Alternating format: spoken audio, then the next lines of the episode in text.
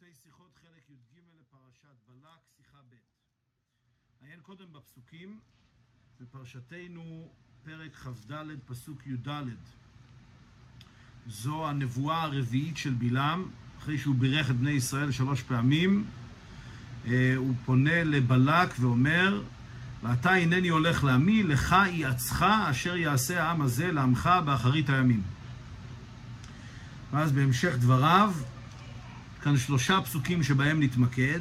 פסוק י"ז: הראינו ולא אתה, אשורנו ולא קרוב, דרך כוכב מיעקב ושם, וקם שבט מישראל, ומחץ פעתי מואב וקרקר כל בני שת.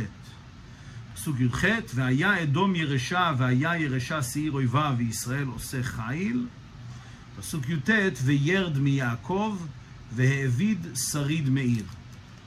כמובן שבלעם מדבר כאן על משהו שיקרה באחרית הימים, על איזשהו מלך או מישהו שישלוט בעמים, אה, כפי שרש"י כאן מפרש, אנחנו נתמקד כעת קודם בפירוש רש"י. אז רש"י מסביר מה הפירוש הראינו ולא אתה, אשורנו ולא קרוב. אה, אומר רש"י, רואה אני שבחו של יעקב וגדלותו, אך לא היא, אלא לאחר זמן.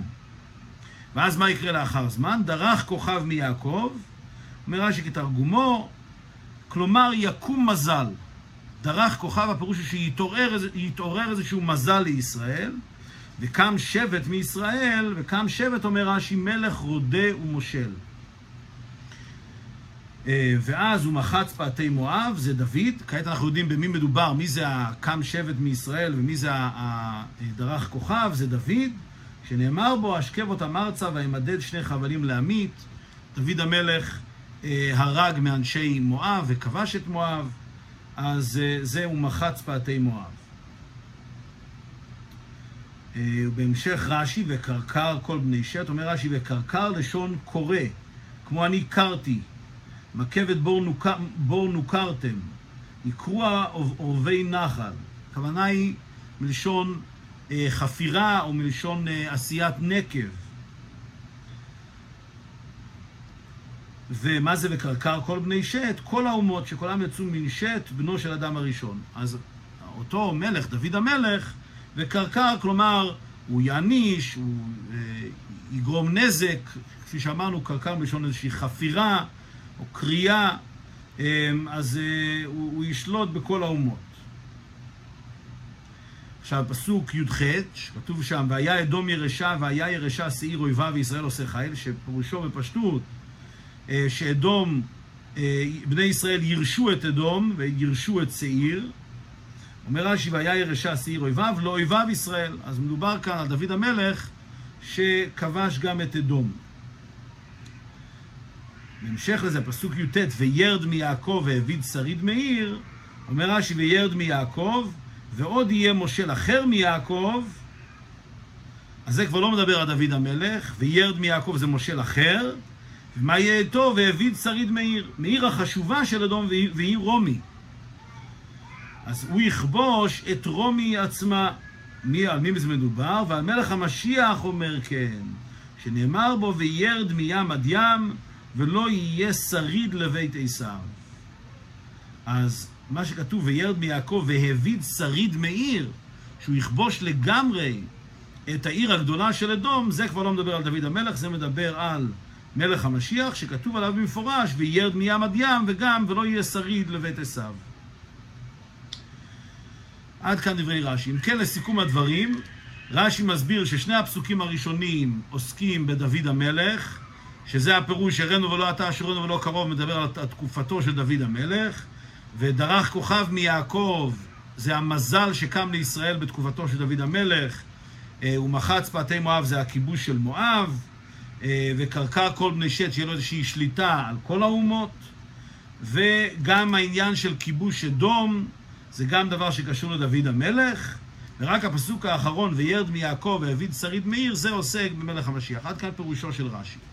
תכף נראה שהרבי, שהרמב"ם מפרש את הפסוקים אחרת, והשיחה שלפנינו תבאר למה הרמב"ם מפרש אחרת מרש"י, ומהי שיטתו של רש"י בפרט בפסוקים האלה.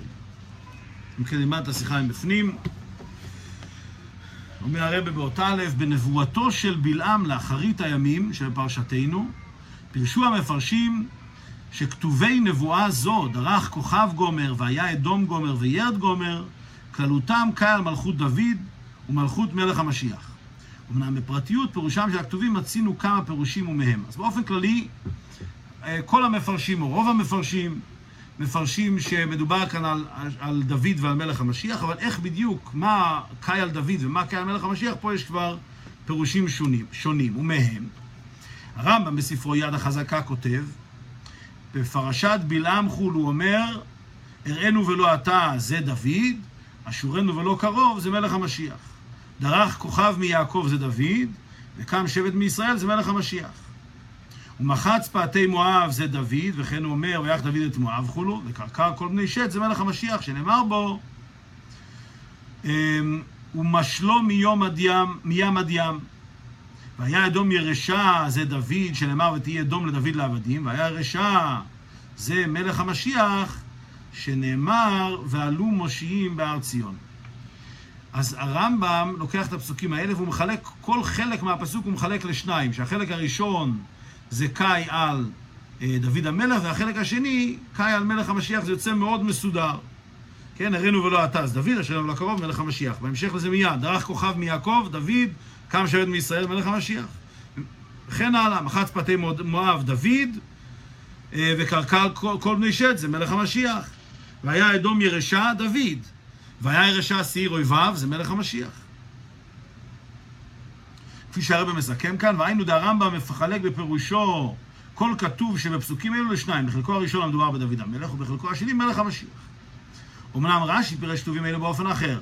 הראינו רואה אני שבחו של יעקב כולו לאחר זמן, ובהמשך לזה הוא מביא, דרך כוכב וקם שבט מלך רודה ומושל, ומחץ פאתי מואב זה דוד שנאמר בחולו, וירד מיעקב ועוד יהיה מושל אחר, מלך המשיח, ואני שפירושו כל הנאמר בכתובים אלה עד וירד מיעקב, קהל דוד. שני הפסוקים הראשונים זה דוד המלך, ורק הפסוק האחרון כולו אמ, עוסק במלך המשיח.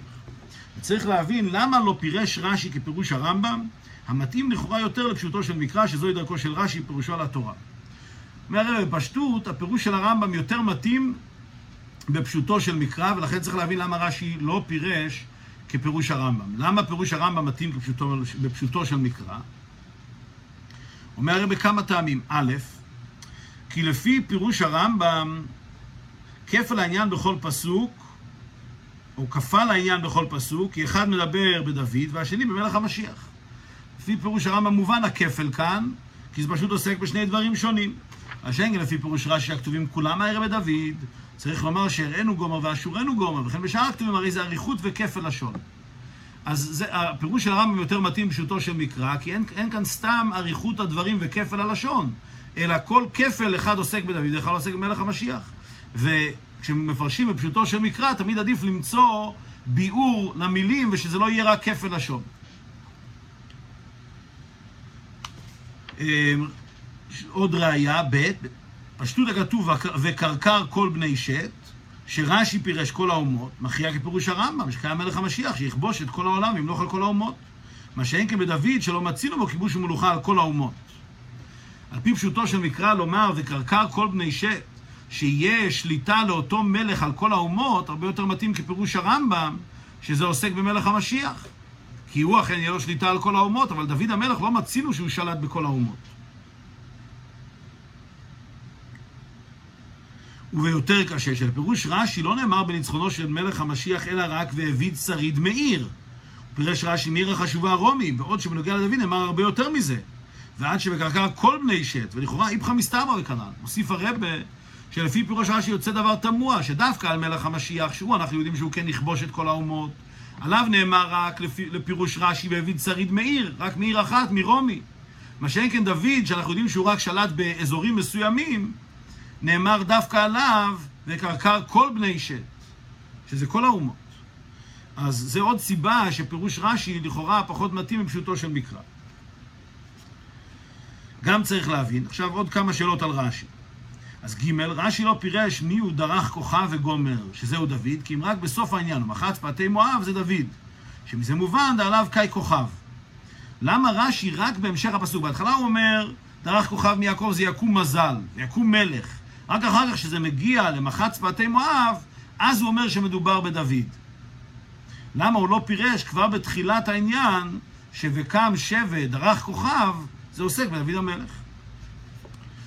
ד', בהקדמה לנבואתו אמר בלעם שתוכן נבואתו שייך לאחרית הימים, אשר אחרית הימים בפשטות, היינו ימות המשיח, אחרית כל הימים. לפי זה קשה לשני הפירושים. פירוש הרמב"ם, כי בכתובים מדובר הן בנבואה לזמנו של דוד, הן לזמנו של מלך המשיח. ויותר קשה לפירוש רש"י, שברוב הכתובים הנבואה לימי דוד, ורק כתוב האחרון קיים מלך המשיח. שאלה נוספת, בפסוק כתוב, אה, אשר יעשה אה, עמך, אשר יעשה העם הזה לעמך באחרית הימים. אחרית הימים בפשטות, הכוונה היא לקץ הימים, לימות המשיח. אז גם לפיר, לפירוש הרמב"ם צריך להבין איך נכנס כאן דוד. אם הוא מדבר על אחרית הימים, למה הוא מדבר גם על דוד? אבל במיוחד הפירוש רש"י, שעיקר שני הפסוקים הראשונים עוסקים בדוד המלך, ורק הפסוק האחרון בקצרה עוסק באחרית הימים. אז למה אה, בלעם פותח בדבריו, אשר יעשה העם הזה לעמך באחרית הימים? אז אם כן, יש בעצם ארבע שאלות על רש"י. למה רש"י מפרש אה, ששני הפסוקים הראשונים עוסקים בדוד, לכאורה לפי זה יוצא כפל לשון, מה שאין כן לפי הרמב"ם זה מובן. שאלה ראשונה על רש"י. שאלה שנייה, רש"י אומר, וקרקע כל בני שת זה עוסק בדוד המלך, ולא מצינו שהוא כבש את כל האומות, מה שאין כן מלך המשיח כן. שאלה שלישית, למה רש"י לא מסביר מההתחלה שדרך כוכב מיעקב זה קאי על, על דוד המלך? ושאלה רביעית, במיוחד לפירוש רש"י, ששני הפסוקים הראשונים עוסקים בדוד המלך, למה אה, כתוב על זה בתור הקדמה שמדובר על אחרית הימים? אז כעת נשאל עוד כמה שאלות על, אה, פירוש, על הפירושים הנוספים של רש"י, ואז נחזור לביאור העניין. ב', על הפסוק וירד מיעקב מפרש רש"י, ועוד יהיה מושל אחר מיעקב. צריך להבין. א', מהו ההכרח לפרש? דווירד מיעקב היינו מושל אחר, ולא כדמשמע לכאורה בפשטות, שפסוק זה בא בהמשך לכתובים דלעיל, וקם שבט של פריש רש"י קהל דוד, וכחשיב עוד דבר נוסף שיעשה אותו המושל הנזכר לעיל, והביא שריד מאיר.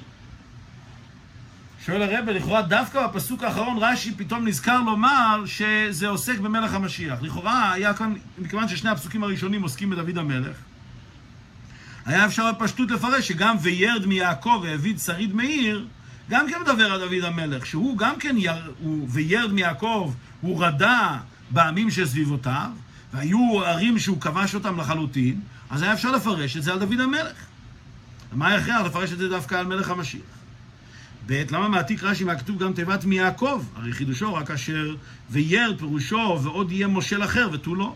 מספיק שהרש"י היה מצטט את המילה וירד, והוא אומר, מה זה וירד? שמישהו ירדה בעמים, דהיינו, עוד מלך שירדה בעמים. למה רש"י מעתיק גם את המילה וירד מיעקב? מה נוגע כאן המילה מיעקב?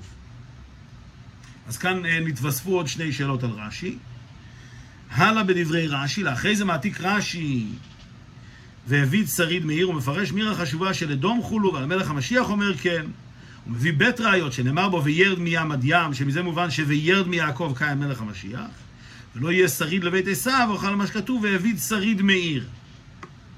כן, אז רש"י, כפי שקראנו כבר ברש"י, מפרש את הקטע האחרון בפסוק והביא שריד מאיר, הכוונה היא שמלך המשיח יכבוש את רומי, והלשון וירד נאמר על מלך המשיח, וגם הלשון שריד נאמר על מלך המשיח.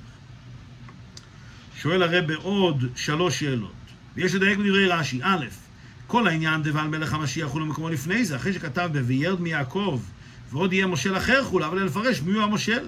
המלך המשיח אומר כן, שנאמר בו וירד וכולו. דבר ראשון, רש"י היה צריך לפרש שאנחנו עוסקים כאן במלך המשיח מיד בתחילת הפסוק. כאשר רש"י מפרש על תחילת הפסוק וירד מיעקב, שיהיה עוד מלך ורודה, הוא היה צריך להגיד שכאן מלך המשיח. למה הוא מחכה רק לסוף הפסוק כשנאמר אה, והביא שריד מאיר?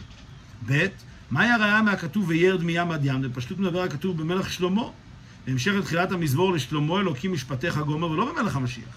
רש"י מביא את הפסוק וירד מים עד ים כאילו שמדובר בהכרח על מלך המשיח. אבל בפשטות, כפי שמפרשים ראשונים אחרים, לא מדובר על מלך המשיח, פשוט זה מגיע בהמשך לתחילת המזמור, שם כתוב לשלמה, אלוק, לשלמה אלוקים משפטיך למלך תן, אז מדובר כאן על שלמה המלך. אז מה ההכרח שווירד מיד עד, עד ים אה, עוסק במלך המשיח? ג' בהראיה מהכתוב וירד מים, מעתיק רש"י גם התיבות עד ים, שלכאורה אינו מוסיפות כלום בתוכן הראיה. ודברי רש"י הלא מדויקים הם בחסר ויתיר. שאלה נוספת, למה רש"י צריך לצטט את המשך הפסוק וירד מים עד ים? הרי רק רוצה לה, לה, לה, להביא ראייה שהלשון וירד עוסק במלך המשיח. אז מספיק שהוא אומר וירד מים, שקיים מלך המשיח. למה הוא צריך לצטט גם את המשך הפסוק וירד מים עד ים? אז אם כן, התווספו לנו כעת עוד חמש שאלות בסך הכל על דברי רש"י. אה, בנוסף לשלושת. לארבעת השאלות ששאלנו לפני כן. השאלות שנתווספו, למה בכלל רש"י אומר שהפסוק האחרון קאי על מלך המשיח, אולי זה עושה גם כן בדוד המלך? אפשר היה לפרש כך. דבר שני, למה הוא מצטט מהכתוב וירד מיעקב, ולא מספיק רק וירד, שהוא בא להסביר שיהיה כאן עוד שולט, עוד מישהו ש... אה, עוד מישהו שישלוט בעמים. שאלה רב... שלישית, למה הוא לא מפרש מיד בתחילת הפסוק וירד מיעקב, שמדובר על מלך המשיח, הוא רק מחכה לסוף הפסוק? שאלה רביעית, למה, מה הראייה מהפסוק וירד מיד, מים עד ים? לכאורה הפסוק הזה יכול, יכול להתפרש על שלמה המלך, שכל הפרק עוסק בעניינו. ושאלה חמישית, למה הוא צריך להעתיק וירד מים עד ים? והביאור בכל זה. רש"י והרמב"ם מחולקים כאן בעניין כללי בכללות המכוון שבנבואת בלעם כדלקמן. יש פה שאלה כללית, מהו עיקר עניין, עניין הנבואה של בלעם, ובזה נחלקים רש"י והרמב"ם. נבואתו של בלעם הייתה כתוצאה מזה שבלק שכר אותו והביאו לקלל את בני ישראל ולמנוע כיבוש ארצו של בלק מואב על ידי בני ישראל. כי אנחנו יודעים למה בלעם הגיע, בשביל לקלל את בני ישראל ולהגן על אה, מואב. וזהו שאמר לבלק בסיום נבואתו קודם שחוזר והולך לעמו, אשר יעשה העם הזה לעמך באחרית הימים. מה שמתאים להרע למואב באחרית הימים.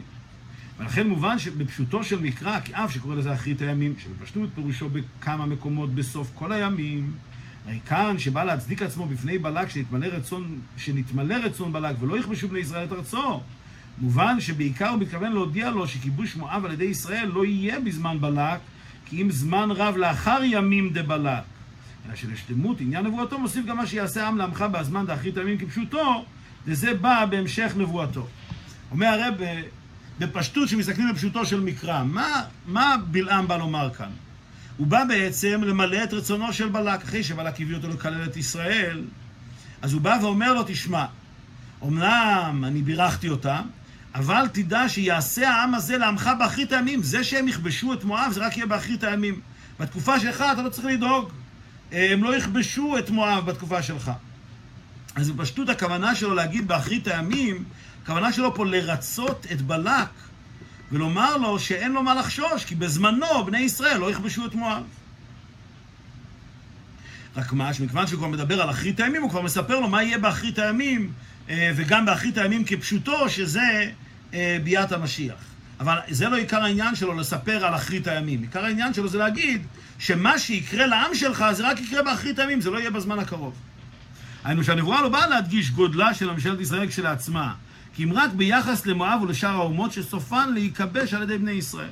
כן, לא באים לספר כאן עכשיו את הגדלות של עם ישראל ואת העתיד המזהיר שצפוי לו, אלא באים להגיד לו שמתי יהיה הכיבוש של האומות, ושזה בינתיים לא הולך לקרות.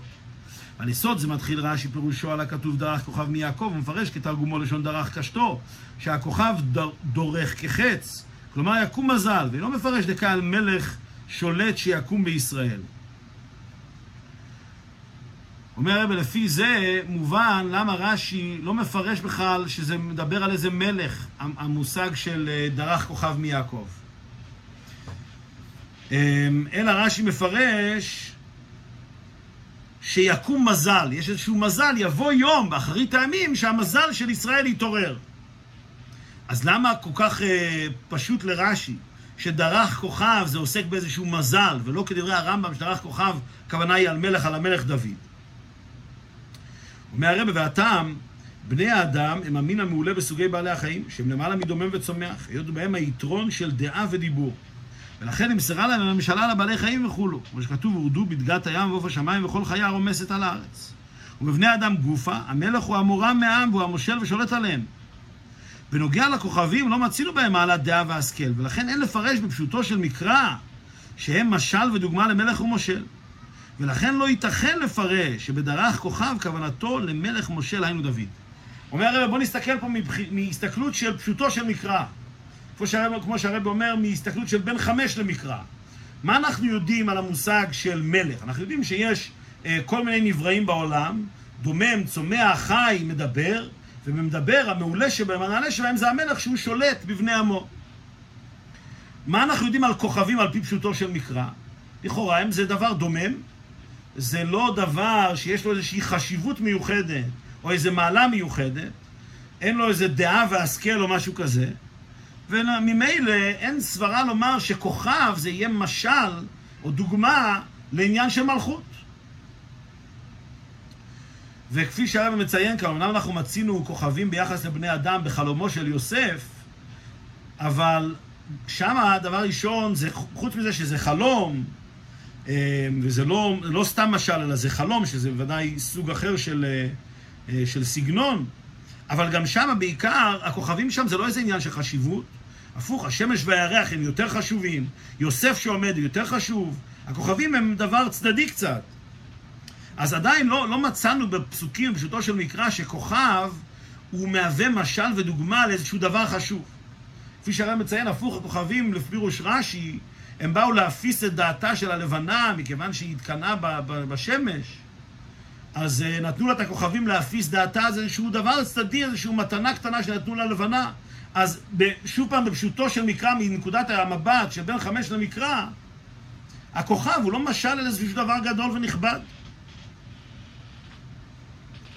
אומר הרבי, ודוח הגדול לפרש שהרמז למלכות הוא בזה שהכוכבים הם למעלה מהארץ ומאירים לארץ ולהדרים עליה להבדיל בין היום ובין הלילה. שזהו כן שליטה בענייני הארץ, ולשון הכתוב, ולמשול ביום ובלילה. אם כן, אבל לרמוז זה באחד מהמאורות הגדולים, השמש או הירח ולא כוכב. ואדרבה, הכוכבים הרי הם רק צבא של המאור הקטן, הירח. אז שוב פעם מדגיש הרבה, אם נאמר שהמושג של כוכב בפשוטו של מקרא הוא, הוא מרמז על מלכות מכיוון שהכוכבים כביכול שולטים, אה, כמו שכתוב בפסוק, ולשלוט ביום ובלילה או להעיר או להבדיל בין האור ובין החושך, אז למה כוכב? השמש והירח, לפחות המאור הגדול, לפחות המאור הקטן, אבל הכוכבים שהם רק צבאה של, המ... של הלבנה, שזה המאור הקטן, למה זה אמור להוות משל למלך, על פי פשוטו של מקרא? זו סברה מאוד פשוטה והגיונית כאשר מסתכלים על ההסתכלות של בין חמש למקרא. ולכן מוכרח רש"י לומר שדרך כוכב פירושו יקום מזל. הוא ממשיך בנבואתו להסביר מהו עניינו של המזל, וקם שבט מלך רודה ומושל. אומר הרב, לכן רש"י למד שדרך כוכב מיעקב, באמת זה לא, זה לא סימן של מלכות. כוכב זה סימן של מזל, כן, כי יש את המושג של המזלות שהם קשורים לכוכבים. אז מה זה ודרך כוכב? זה יקום מזל. ולכן בהמשך לזה, וקם שבט, כאן שבט זה כבר עניין של שליטה ורדייה, כי אנחנו יודעים ששבט זה המקל שבו המלך רודה בעם. אז אה, וקם שבט זה מלך רודה ומושל. אולם אין הוכחה מכתוב זה לאיזה מלך הוא מתכוון, ולכן גם רש"י לא פירש בו מי הוא המלך הרודה, עד שאמר כתוב מחץ פאתי מואב. ומזה מוכיח רש"י שזה דוד שנאמר בו השכב אותם ארצה חולו. זאת אומרת שכל העניין דרך כוכב גומר וקם שבט גומר, הנאמר לפני זה מוסב על זמנו של דוד ועל דבר מלכותו. אז אם כן, הסיבה שרש"י לא הסביר ש, שדרך כוכב מיעקב זה מלך, מכיוון שכוכב בפשטות, פשוטו של מקרא, לא מבטא עניין של מלכות בכלל. וקם שבט מישראל אכן מבטא מלכות, אבל אנחנו עדיין לא יודעים איזה מלך מדובר. אנחנו יודעים שזה יקרה לא בתקופה הזאת של בלק, כפי שאמרנו שבלעם בא לומר לו שזה לא יקרה בזמנך, אבל איזה מלך מדובר עדיין לא יודעים. עד שכאשר נאמר, ומחץ פאתי מואב, אנחנו יודעים שמי נלחם והרג במואב, זה היה דוד המלך. ועל פי זה מובן גם כן בנוגע להמשך הכתובים של אחרי זה, שכל כמה שאין לנו הכרח מקרא שהמדובר הוא במלך אחר, הרי בפשטות מסתבר שעדיין מדובר באותו המלך דלאל דוד. אם כן, שוב פעם, מכיוון שלשיטתו של רש"י, הפסוקים כאן לא באו לתאר מה יקרה בדיוק באחרית הימים. זה לא היה עניין לספר את גדלותם של ישראל ואת זה שיהיה מלך ויהיה מלך המשיח וכולי. לא, הפסוקים לפי רש"י באו לומר שבתקופה הקרובה לא יהיה כיבוש של הארצות, זה רק יקרה בתקופה הבאה. ולכן הוא מסביר, יבוא יום שיקום מזל, ואז מחפשים מי זה המזל הזה. אז כשיש ראייה שזה דוד, אז מוכחנו שזה דוד. וכל עוד אין לנו ראייה שמדובר במלך אחר, אנחנו נישאר עם העניין של דוד. ולכן פירש רש"י וקרקר לשון קורא נוקב חולו. בפירוש תיבת וקרקר יש לומר בית פירושים, מלשון הריסה כמו מקרקר קיר, בית מלשון קורא נוקב כפירוש רש"י. בכלל וקרקר יש לזה שני פירושים, או שזה גורם נזק כמו נוקב, או שזה השמדה מוחלטת. אז רש"י מפרש דווקא שלא מדובר על השמדה מוחלטת. למה? לפי פירושה א', היינו אירוס והשמדה לגמרי. לפי פירושה ב', אין זה הרס, הרס של השמדה, אלא קלקול של ניקוב והוצאת דבר ממקומו הנכון. מכיוון שרש"י מפרש דקה על דוד, לכן מפרש וקרקר מלשון קורא. היות ודוד לא ניצח את האומות באופן שהשמיד את כל בני שת, כי אם רק על דרך קורא ונוקב בלבד. לכן רש"י, מכיוון שהוא אומר שכאן אנחנו עוסקים בדוד המלך, ושוב פעם, הסיבה שרש"י לא טורח לנסות למצוא עוד אה, מאורעות שיקרו באחרית הימים, מכיוון שלשיטת רש"י אנחנו לא באנו כאן לפרט מה יקרה באחרית הימים. אם אתה, העניין של בלעם היה לפרש מה הולך לקרות, אז הוא היה באמת צריך לחלק את זה לפחות בין דוד לבין מלך המשיח, שכמובן שהשליטה של מלך המשיח היא לא פחותה מאשר השליטה של דוד. אבל מכיוון שלפירוש רש"י, בלעם לא, לא בא כאן להגיד לנו מה יקרה באחרית הימים, הוא רק בא לומר שבתקופה הקרובה לא יהיה כיבוש ארץ מואב, ובדרך אגב הוא מספר קצת מה יהיה באחרית הימים, אז מובן שזה לא צריך להיות פרופורציונלי, שיהיה כאן את כל התיאור של דוד ושל מלך המשיח, ולכן הוא אומר, הכל כאן עוסק בדוד, עד שאין לנו הכרח לומר שזה עוסק במלך המשיח. וממילא, מכיוון שזה עוסק בדוד, אז וקרקר לא יכול להיות השמדה מוחלטת, כי הרי דוד לא השמיד את כל העמים, הוא רק שלט בכמה מהעמים, היה לו איזושהי שליטה על כל העמים. אז, אה, אז לכן הלשון הוא וקרקר רק לשון אה, ניתקו והוצאת דבר ממקומו הנכון. כאילו דוד המלך גרם איזשהו זעזוע לכל העמים. עד כאן שיטת רש"י. אמנם הרמב"ם מפרש דרך כוכב מיעקב קיים מלך שיקום מיעקב לשיטתי הזיל. אבל הרמב"ם יש לו שיטה אחרת כאן. הרמב"ם בשיטתו, כוכב במפורש כן יכול להוות משל ודוגמה למלכות. מאיפה על סמך מה? אומר הרי בכתב הרמב"ם כל הכוכבים, הכוכבים והגלגלים כולן בעלי נפש ודעה והשכל הן חולו. ודעת הכוכבים חולו גדולה מדעת בני אדם. אז דבר שצריך להבין, לדעת הרמב"ם כוכב זה משהו אחר לגמרי. לא כמו שמשמע לפי פשוטו של מקרא, שכוכב זה איזשהו דומם שנמצא ובא להפיס את דעתה של הלבנה, אלא הכוכבים הם נבראים שהם בדרגה גבוהה יותר מכל הנבראים שנמצאים על הארץ, כולל מבני האדם. אז כוכב הוא דבר ראשון מבטא איזושהי רוממות שהיא נעלית הרבה יותר מבני האדם.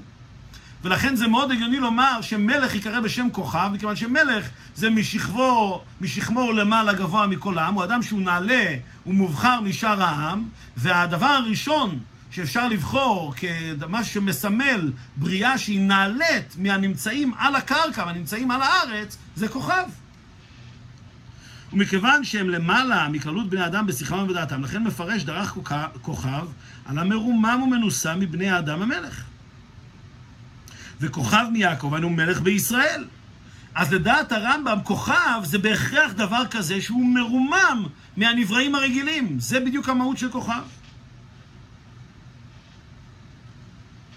ומעתה מה שאמר כתוב לאחרי זה וקם שבט מישראל שקאי בדוד, משמעותו של שבט, מלך רודה על מלך בישראל. סליחה, ומעתה מה שאמר כתוב לאחרי זה וקם שבט מישראל, שקאי בוודאי כמשמעותו של שבט, מלך רודה על מלך בישראל, אין כוונתו לאותו המלך המרומז בכוכב, ואם כן אין זה לכיף הלשון ממש.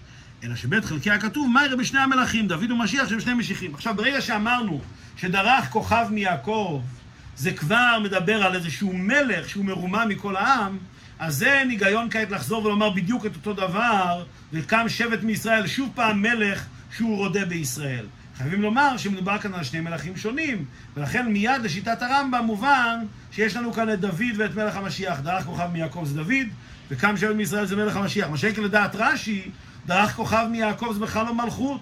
דרך כוכב מיעקב זה איזשהו המזל של ישראל להתעורר, מתי? בימי דוד, שבקם שבט מישראל.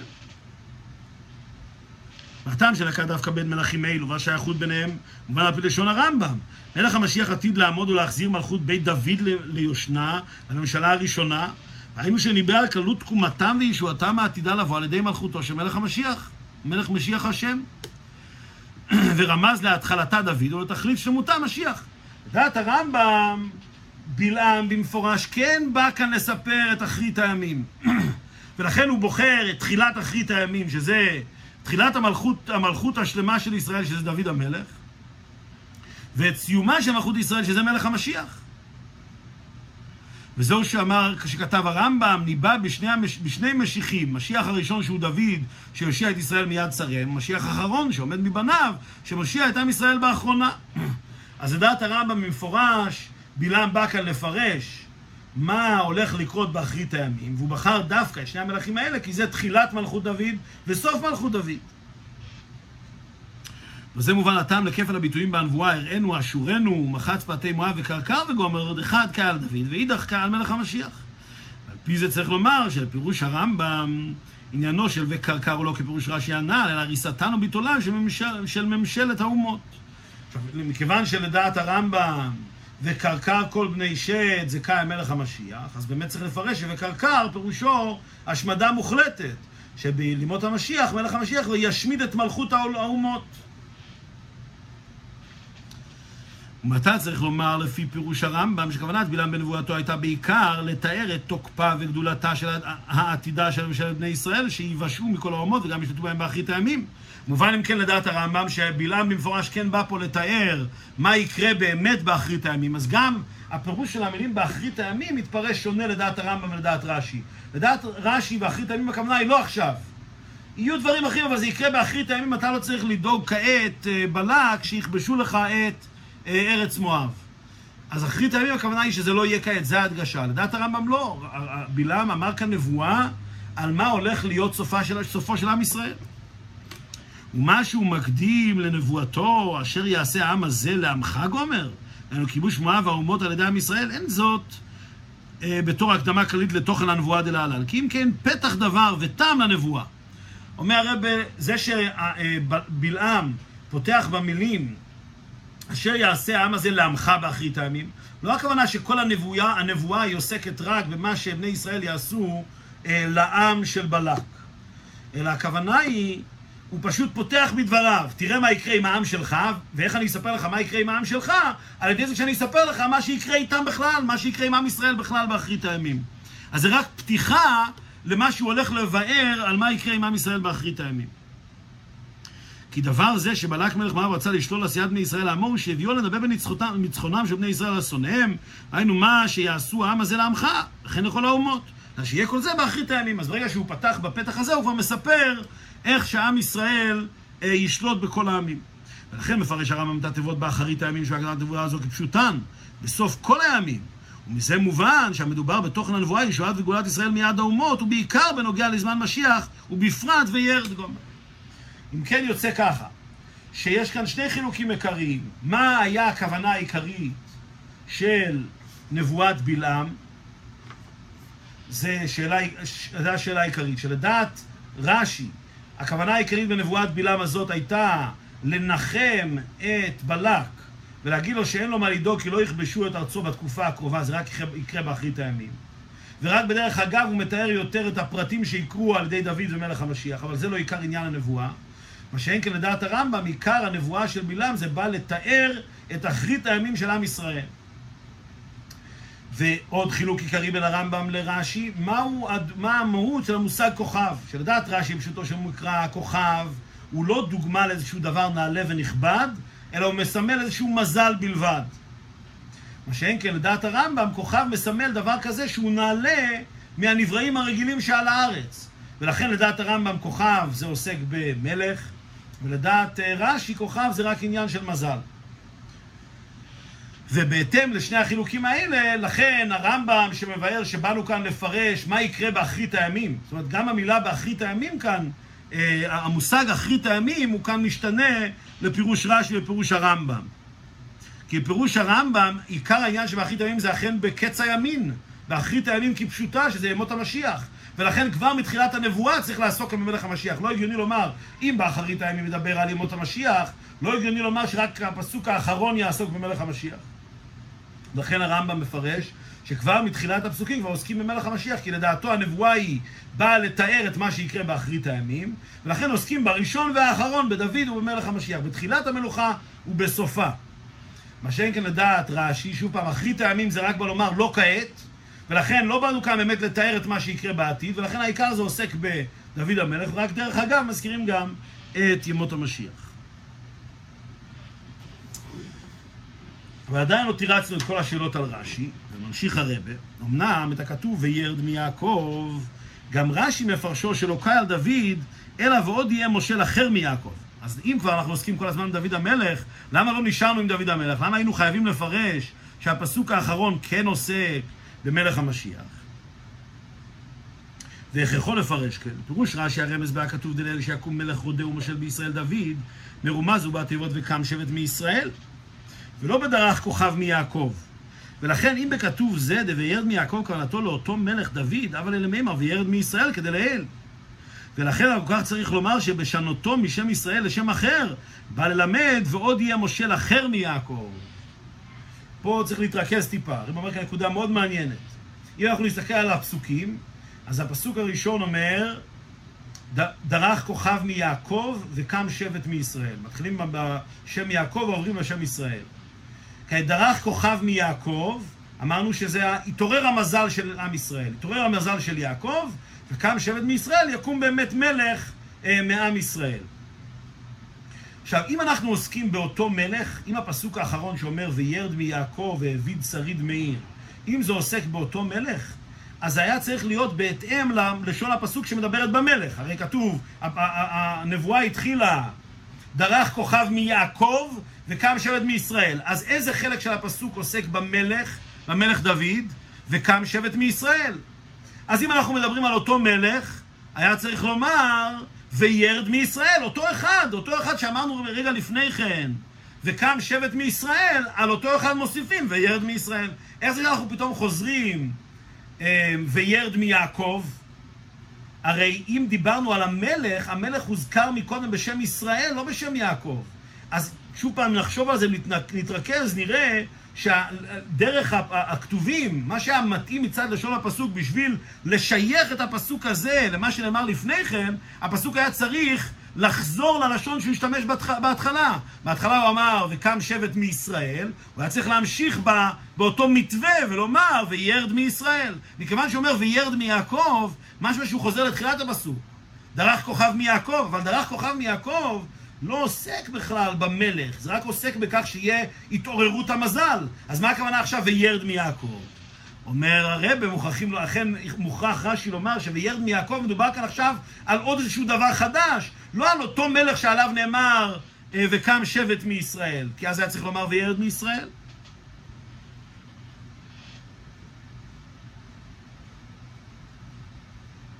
הרב גם העיר כאן בהערה, בהערה 40, אומר, קודם כל מצד יופי המליצה זה לא היה מתאים, מכיוון ששוב פעם, אם אתה מגיע מיד בהמשך לפסוקים האלה, אז בשביל לשמור על ההקשר, התורה הייתה צריכה להשתמש באותו שם. אבל נוסף לזה, הרב אומר בכלל, מצד מלכות, אם אנחנו רוצים לדבר על המושג של מלך, אז יותר מתאים הלשון ישראל, שזה מלשון קיסרית, מלשון שררה. אין סיבה סתם אה, לשנות מהשם ישראל ולרדת לשם יעקב. ולכן, מכיוון שנאמר יעקב, אז כנראה מדובר פה על משהו חדש לגמרי, לא על אותו אחד שעליו נאמר ישראל לפני כן. ראינו שתבוא וירד מיעקב, בעוד בהמשך למה שכתוב לאל דרך כוכב מיעקב, שיהיה לו יקום מזל ליעקב, בזה שבקם שבט מישראל. וחזר כתוב לומר עוד עניין בזה, וירד מיעקב, עוד הפעם יקום מזל ליעקב, בזה שיהיה מושל אחר ממנו. ועל פי זה מובן בפשטות, למה הביא רש"י בראשו גם תיבת מיעקב? כי באה ההוכחה לפירושו שקיים מושל אחר. אם כן, כאשר התורה חוזרת ואומרת וירד מיעקב, כאילו משמע שהתורה מתחילה עכשיו דבר חדש. אמרנו, אה, דרך כוכב מיעקב, יתעורר המזל של יעקב, ואנחנו אומרים, חוזרים ואומרים עוד פעם, וירד מיעקב, שוב פעם יתעורר המזל של יעקב. מדובר פה על דבר חדש, על מאורע חדש, ולכן לומד רש"י שזה מדבר על מלך המשיח. לכן רש"י מצטט את המינים וירד מיעקב. הוא אומר, דווקא מזה משמע שמדובר פה על מלך המשיח, מכיוון שביחס לדוד נאמר על לשון ישראל. אז מזה שאנחנו רואים כאן וירד מיעקב, משמע שאנחנו רואים כאן התעוררות חדשה של מזל, שזה עוסק דווקא במלך המשיח. אמנם עדיין אין די בהוכחה זו לפרש תכף בדיבור זה על וירד מיעקב דקה על המשיח, אף שמצינו שהקדים בלעם נבואתו, שזהו באחרית הימים, שיש לדייק מזה על כל פנים באחד, ומילא על כל פנים פסוק האחרון מפסוקי נבואתו זו, מרומז לאחרית כפשוטו לזמנו של מלך המשיח. כיוון שיש גם הוכחה מלשון הכתוב, שווירד מיעקב אנו מושל אחר כנ"ל, הרי על ידי שתי ההוכחות יש להסיק שכתוב זה קאי במלך המשיח. בכל זאת, אין די בזה להכריח שהמלך המשיח הוא אומר כן, כי אם על ידי ראיות מהכתוב עצמו. אומר הרב, עדיין בתחילת הפסוק אנחנו לא אומרים שמדובר פה על מלך המשיח. רש"י אומר שמדובר על איזשהו מלך אחר, הוא עדיין לא מפרש שזה קאי המלך המשיח. למרות שכבר היה אפשר להסיק את זה. למה היה אפשר להסיק את זה? כיוון שאחרי הכל נאמר הלשון באחרית הימים. אז זה צריך לפחות לדון קצת במה שהולך לקרות באחרית הימים כפשוטו, בקץ הימים לעתיד לבוא. וכפי שאמרנו גם מהמילים וירד מיעקב, משמע שמדובר כאן על מישהו חדש, אז כבר מסתבר לומר שמדובר על מלך המשיח. בכל אופן, רש"י עדיין לא מפרש את זה, כי רש"י רוצה הכרחה מהפסוקים עצמם. ולכן רש"י אומר, אמ, כי הכתוב וירד מים אינו ראיה מספיקה שקיים מלך המשיח, ואדרבה, פשוט אפשר לומר שפסוק זה כללות המזמור, המזמור מכוון לשלמה המלך, תמיד להתפלל עליו שיהיו אצלו כל העניינים האלו. אלא מכל מקום מביא רש"י ראיה משם, אבל רק לאחרי שכבר הכריח את הפסוק דילן קיים מלך המשיח, הוא נקמן סעיף אומר הרב, אחרי שאנחנו יודעים כבר שמדובר על אחרית הימים, שזה צריך לכלול באיזושהי צורה גם את ימות המשיח, ואנחנו יודעים שמדובר על מלך חדש, אז אמנם מהמילים עצמם וירד מיעקב, עדיין לא מוכרח שמדובר על מלך המשיח. אף על פי שנאמר וירד מים על ים, אבל כפי שאמרנו, וירד מים עד ים, יכול להיות בכלל שמדובר על שלמה המלך. אז המילים וירד מיעקב עדיין לא מוכיחים לנו בצורה ברורה שזה קאי על מלך המשיח. רק בצירוף כל הראיות של רש"י. אומר הרב, ולכן מקדים רש"י מפרש תיבות והביא שריד מאיר. מעיר החשובה של אדום ועיר רומי. אז לכן רש"י לא מפרש מיד על המילים וירד מיעקב שזה קאי מלך המשיח. קודם כל הוא מפרש מה זה והביא שריד מאיר, שזה חייב להיות על מלך המשיח. והיינו דמה שנאמר מעיר סתם הרי ברור שזו עיר הידועה של הממשלה הידועה מכבר.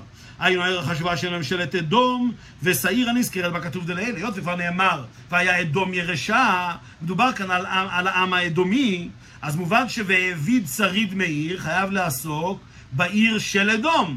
עכשיו, מי מעביד לגמרי את העיר של אדום, זה רק מלך המשיח. כמו שכתוב, ולא יהיה שריד, אה, לשון הפסוק, שרש"י הביא מההתחלה, אמ,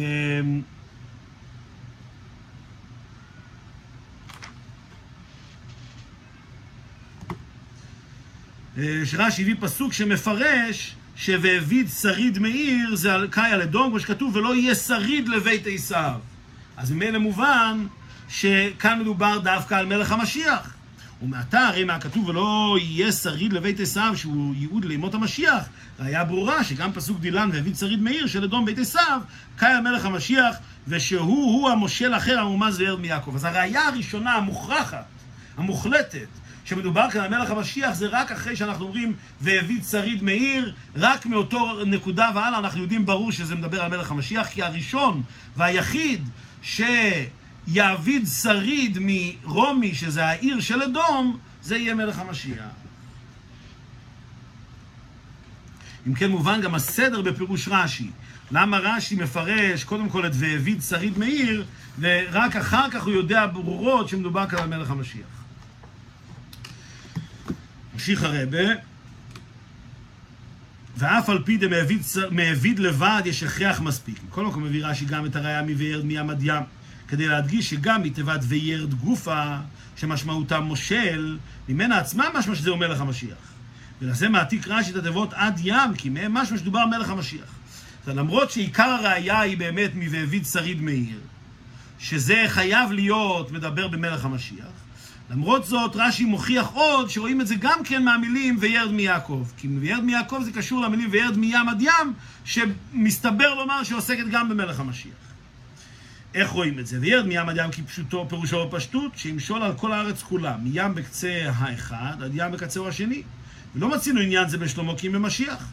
ולכן מסתבר לרש"י לפרש שזהו ממשלתו של מלך המשיח. והיינו דעים, היות שהמזמור בכללותו הרי הוא תפילת דוד על שלמה, על שלמה בנו, בכל מקום מפרש רש"י שפרטים מסוימים בתפילתו לא נתקיימו בשלמה כי אם במשיח בן דוד ושלמה. אומר הרב ככה, כעת שאנחנו כבר יודעים שהפסוק הזה מדבר במלך המשיח, אז זה כבר מזה עצמו מסתבר לומר ש"וירד מים עד ים" גם כן עוסק במלך המשיח. למה?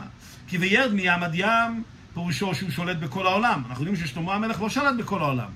אמנם, איך פירשו המפרשים שזה עוסק בשלמה המלך? המפרשים האחרים אומרים, זה היה תפילת דוד. דוד המלך התפלל שבנו שלמה הוא ירד מים עד ים. אבל, אבל רש"י אומר, מכיוון שכאן אנחנו כבר יודעים מהמילים והביא שריד מאיר, כבר הוכחנו שמדובר במלך המשיח, אז כבר מסתבר לומר ש"וירד מים עד ים" גם כן מדובר במלך המשיח. אמנם יכול להיות שזה היה גם בתפילה של שלמה המלך, אבל בפועל זה מתקיים במלך המשיח. ולכן "וירד מיעקב" ו"וירד מיד עד ים" שניהם עוסקים באותו עניין.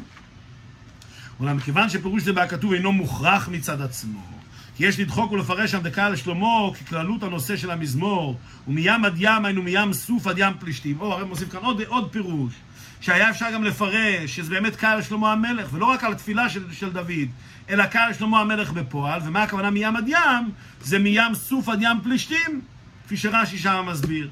אז אם כן היה אפשר לומר שזה כן קהל לשלמה המלך. לכן מביא רש"י ראיה זו רק לאחרי שפירש תיבת והביא שריד.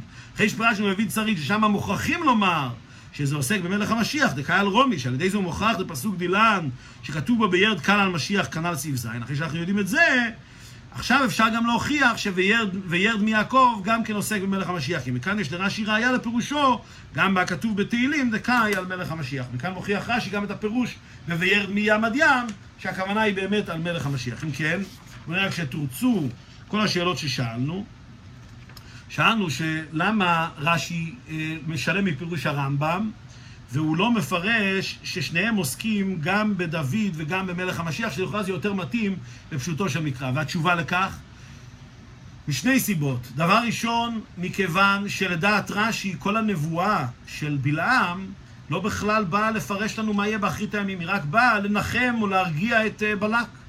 ולכן לא, אין שום סברה לומר שמתחילת הנבואה אנחנו נבוא ונתחיל לפרש את כל הדברים, המאורעות העיקריים שיקרו באחרית הימים. בנוסף לזה, כפי שלמדנו, לדעת רש"י, כוכב זה לא סימן של מלכות, זה בסך הכל סימן של מזל. ולכן אי אפשר לפרש שכוכב זה דוד ושבט זה מלך המשיח, מכיוון שכוכב הוא לא סימן של מלכות.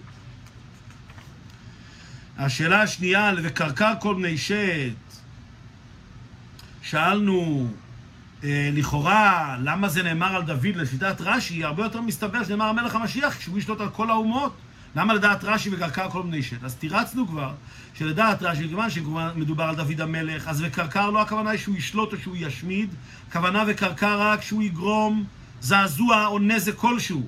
והכוונה היא שעל ידי השלטון של דוד הוא זעזע את כל האומות.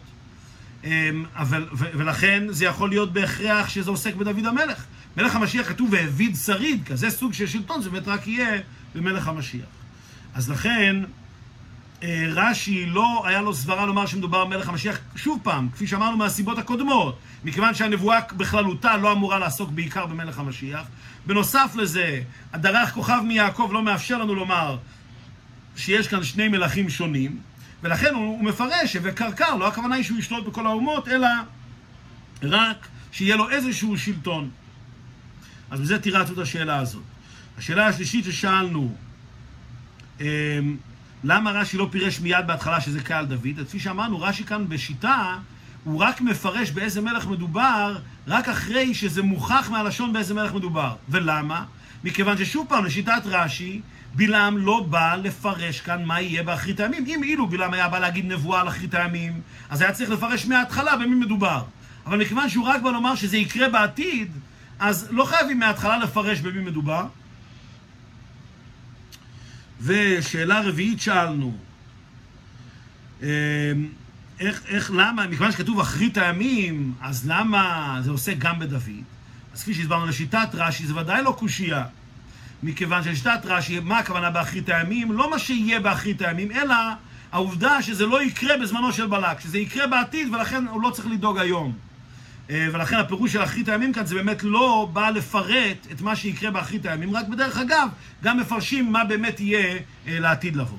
וגם לשיטת הרמב"ם זה לא קשה כפי שהסברנו, כיוון שלשיטת הרמב"ם הוא עוסק באותה מלכות שתהיה באחרית הימים, תחילתה וסופה, תחילתה על ידי דוד וסופה על ידי מלך המשיח. אז באמת תירצנו את השאלה הרביעית. שאלה החמישית ששאלנו כאן בעוד ב', שאלנו אה, למה רש"י אומר ש"וירד מיעקב" זה חייב להיות אה, מושל אחר. למה אי אפשר להגיד שמדובר על אותו דוד המלך? והתשובה כפי שאמרנו, מכיוון שאילו זה היה מדובר על דוד המלך, היה צריך להגיד וירד מישראל, ולייחס את זה למה שנאמר בפני כן על דוד המלך, שזה וקם שבט מישראל. מכיוון שפה התורה בחרה דווקא בלשון מיעקב, משמע שמדובר כאן על דבר חדש. אה, שאלה שישית ששאלנו, למה הוא מעתיק מהפסוק וירד מיעקב? אז כפי שתירצנו, דווקא מהלשון מזה שנאמר מיעקב, מזה מוכח שמדובר על מלך המשיח, לכן הוא צריך גם לצטט את המילה מיעקב. אה, שאלה שביעית ששאלנו, למה הוא לא מפרש מיד שמדובר על מלך המשיח? אמרנו מכיוון שלא היה לו שום ראייה בהתחלה, אין ראייה מפשוט הכתובים שמדובר על מלך המשיח, מדובר שיהיה דבר חדש. עדיין לא מוכרח שמדובר על מלך המשיח, רק מהמילים והביד שריד מאיר אפשר להוכיח שמדובר על מלך המשיח. שאלה הבאה ששאלנו, מה הראייה מהפסוק וירד מים עד ים? הרי לכאורה מדובר על שלמה המלך. אז כפי שביארנו, אכן באמת אין ראייה מוכחת משם, ולכן רש"י לא מביא את זה בתור הראייה הראשונה, רק אחרי שהוא פירש והביד שריד מאיר, שמזה מוכח שמדובר על מלך המשיח, רק אז הוא חוזר לפרש, שכעת יובן, ש"וירד מיעקב" גם כן מדבר על מלך המשיח. למה הוא מעתיק את המילים וירד מים עד ים? מכיוון שזה שוב פעם עוד ראיה שדווקא מדובר על מלך המשיח, כי בפשטות, ים עד ים, הכוונה היא על כל העולם, ולכן מסתבר יותר לומר שזה קיים מלך המשיח ולא על שלמה המלך, אם כן תרצו כל השאלות המדוברות.